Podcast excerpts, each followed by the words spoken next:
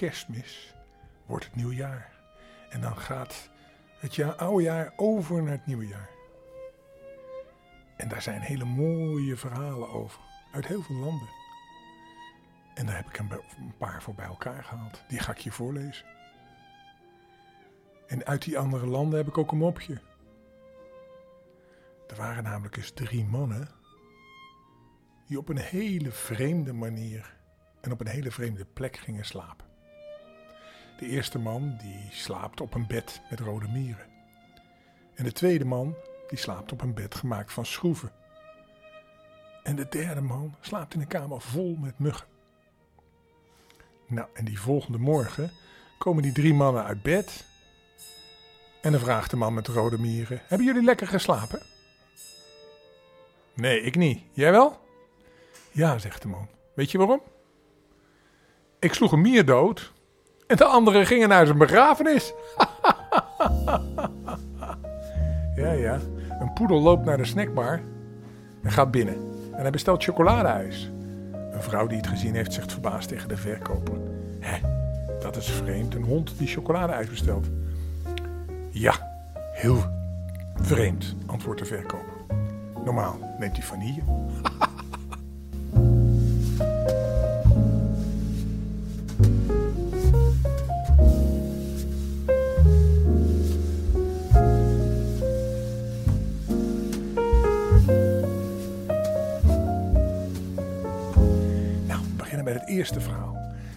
is een verhaal uit China. En dat verhaal uit China, dat gaat over het oude jaar. Waarom hebben de mensen van vroeger aan de dertigste, de laatste dag van de maand, aan het slot van het jaar, dus de twaalfde maand, de naam gegeven oudjaar? En waarom wensen we elkaar dan bij die ontmoeting geluk? Een oud Chinees verhaal.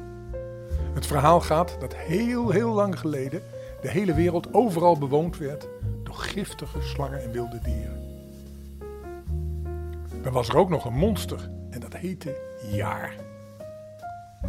En niet voor niks, want daar hebben we het jaar naar genoemd. En ieder jaar, op de avond van het laatste de laatste dag van het jaar, kwam die tevoorschijn. En dat monster, dat verslond dan mensen. En zodra hij zijn bek opende, kon hij bij elke inademing talloze mensen verzwelgen. Dat was niet uit te houden, joh. Dat was niet te doen. Want hij zou zo misschien wel alle mensen verzwelgen, tot er niemand weer over was. En de mensen waren radeloos. Daarop kwamen wat verstandige lieden bijeen om te overleggen. Kijk, zelfs als we naar de hemel vluchten, vinden we nog de dood. Nee, we moeten een manier bedenken om af te rekenen met dat monsterjaar. Maar wie zou nou met jaar kunnen afrekenen? Iemand die de grote maker heette, zei ik denk dat ik wel een manier weet. De grote maker was een oude man met wit haar, witte wenkbrauwen en een witte baard. En grote maker zocht Jaar op en zei: Jaar, jij doet niet anders dan mensen vermoorden. Dat gaat toch zo niet langer? Jaar zag in een oogopslag dat grote maker een oude man was, die je zo omver kon blazen door het eerste zuchtje. En hij was dus helemaal niet onder de indruk. En met een hooghartige glimlach antwoordde hij: Wie ben je wel? Dat je je met andermans zaken bemoeit. En Grotemaker zei: Beschik jij over hele grote krachten? Dat je alles kunt verzwelgen? Durf jij ook de giftige Python van de Mangdangberg te verslinden? Waar Jaar de grootste hekel aan had, was dat iemand zou zeggen dat hij laf was. En laaiend van woede antwoordde hij: Bah, dat kost me geen enkele moeite. En in één hap verzwolg hij de grote python. Grote maker zei: Jaar, op het Klinberg huist een woeste leeuw. Durf jij die te verzwelgen? En Jaar antwoordde weer: Dat kost me geen enkele moeite. En in één hap verzwolg hij inderdaad die woeste leeuw. En Grootmaker zei weer: Op de Tijgerkopklif woont een gevaarlijke tijger. Durf je die ook te verzwelgen?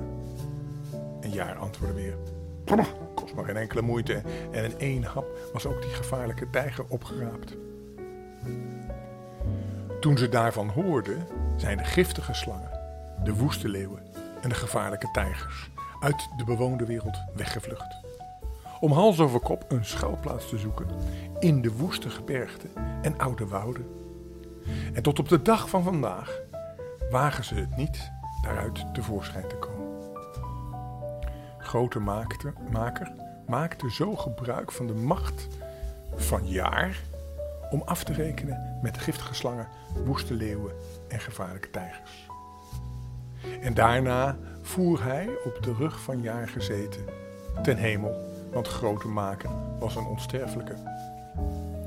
En bij zijn vertrek gaf grote maker de mensen de opdracht om ieder jaar met oudjaar stroken rood papier aan weerszijden van de huisdeur te plakken, om te voorkomen dat jaar zou ontglippen naar de wereld hier beneden, om opnieuw onheil te veroorzaken. Want jaar was voor niets bang, maar wel voor de kleur rood. En zo plakte later iedereen op de laatste dag van het jaar rood papier aan de deur. En nog weer later gingen ze op de beide stroken rood papier zegenwensen schrijven. En dit werden de gepaarde coupletten. En op nieuwjaarsdag wenst men elkaar geluk als uiting van dankbaarheid dat men niet door jaar was verzwolgen.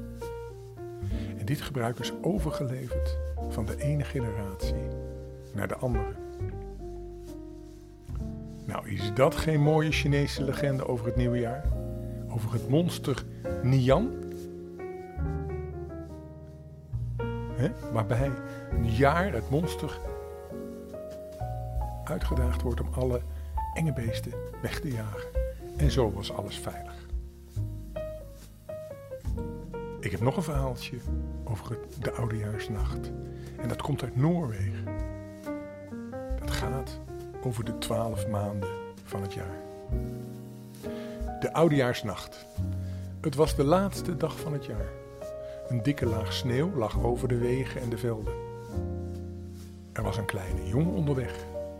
Hij droeg nieuwe schoenen en hij had een grijze das en een rode puntmuts. Hans heette hij. En op zijn rug droeg hij een kleine rugzak. Zijn moeder had daarin een kerstbrood en een drie koningenkaars gepakt. Ze had hem op het hart gedrukt zich goed te gedragen. Hans moest zijn grootmoeder en grootvader opzoeken. Hij moest vooral niet vergeten netjes te groeten en te bedanken en ze een vrolijk en gezegend nieuwjaar toe te wensen. Ja, daar zou hij aan denken. De, dagen in de winter zijn maar kort. De sneeuwvlokken hingen zwaar in de lucht. En al spoedig vielen de sneeuwvlokken naar beneden. Stil en dicht bij elkaar. Zoals het tons van een dekbed.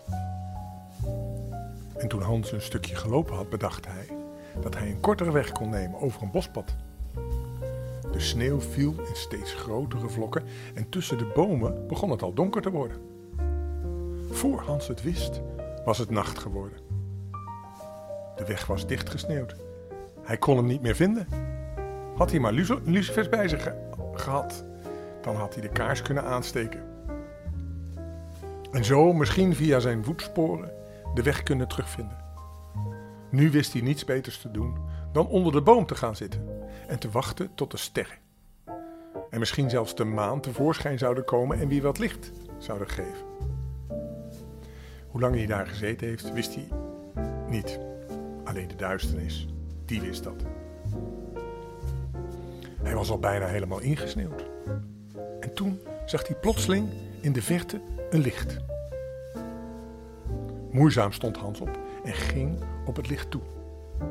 En na korte tijd stond hij voor een groot vuur. Nog nooit had hij een vuur zo helder zien branden. Om het vuur zaten twaalf grote mannen, die wijde mantels droegen. Ze zaten daar stil en ernstig. Bijna alle koningen staarden in de vlammen. Maar het waren geen echte koningen. Het waren bijna koningen. Een enkele droeg een kroon van ijs op het hoofd of kronen van dennenappels. En weer anderen hadden kransen van groene bladeren of korenaarden. Leken koningen, maar het waren geen koningen. En hij die de oudste leek, hield een stok in zijn hand en pookte in het vuur. Hij wendde langzaam het hoofd om en vroeg aan Hans: Ken je ons? Dat dacht ik wel, antwoordde Hans. Want hij begreep dat de wijze mannen die hij hier zag, de twaalf maanden van het jaar moesten zijn. De oudste, die de stok vasthield, dat was zeker december. Daarom droeg hij ook een donkere mantel. Vertel ons dan wie we zijn, moedigde de grijsaard hem aan, terwijl hij het vuur aanwakkerde. En Hans zei het versje op dat hij van zijn opa geleerd had. Geeft januari een sneeuwtapijt, dan zijn we gauw de winter kwijt. Is februari kil en nat, hij brengt ons koren in het vat.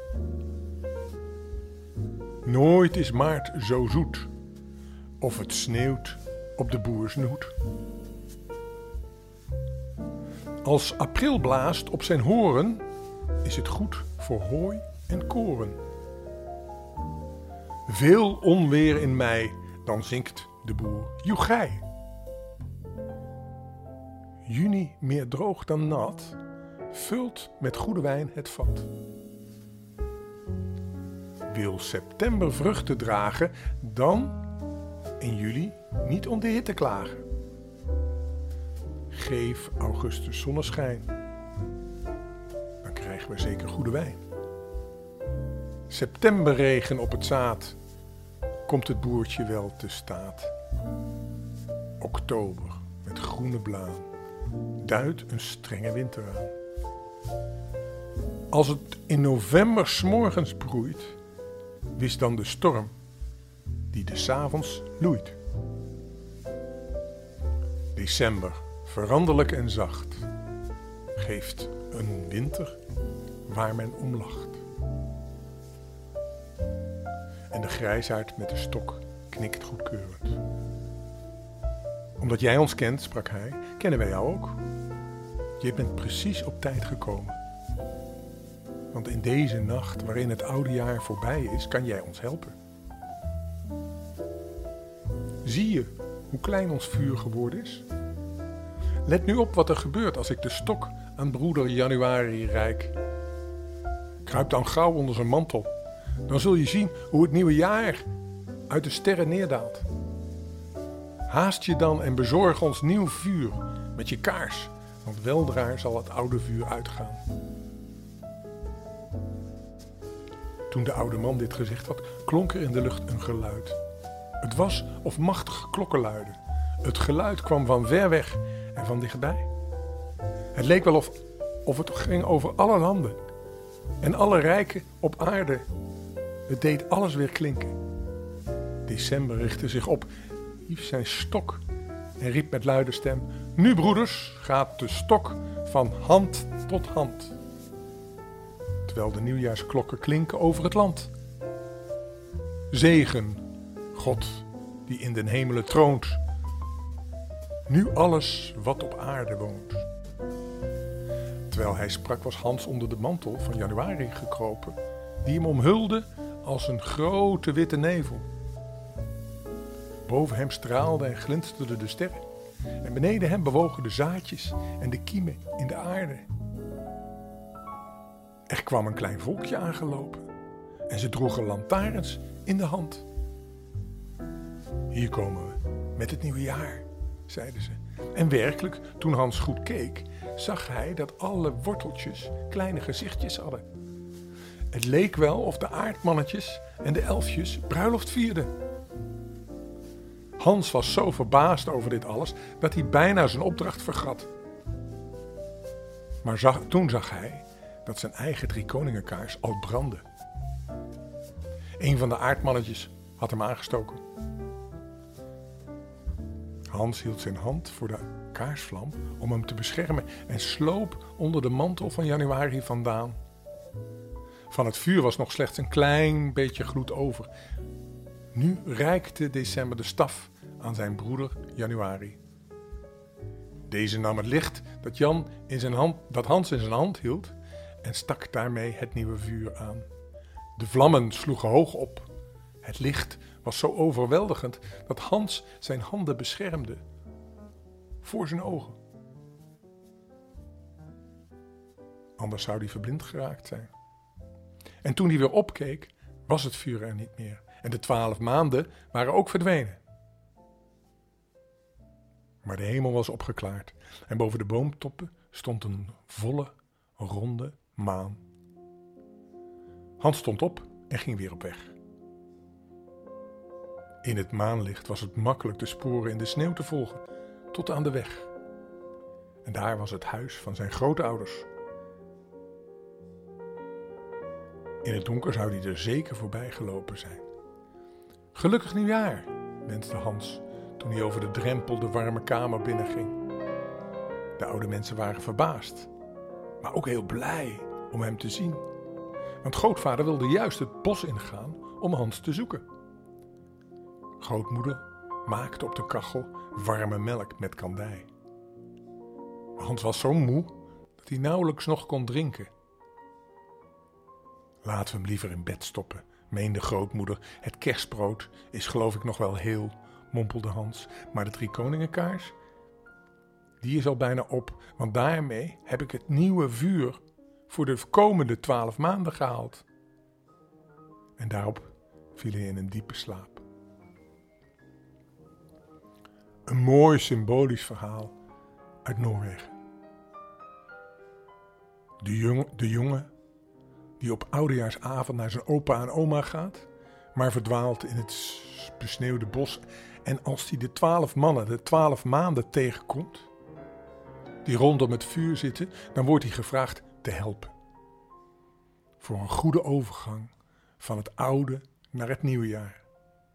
Het licht van het oude jaar is op en hij moet zijn kaars gebruiken om het nieuwe jaar in te luiden. Zo gaat het op oud en nieuw jaar. Dat denken de mensen. Nou, ga nu maar lekker slapen, hè? Het is weer nieuw jaar. Januari geeft weer nieuw licht. En er komt een heel mooi nieuw jaar in. Ook voor jou. Ga daar maar van dromen. Welterusten, hè? Tot morgen. Dag.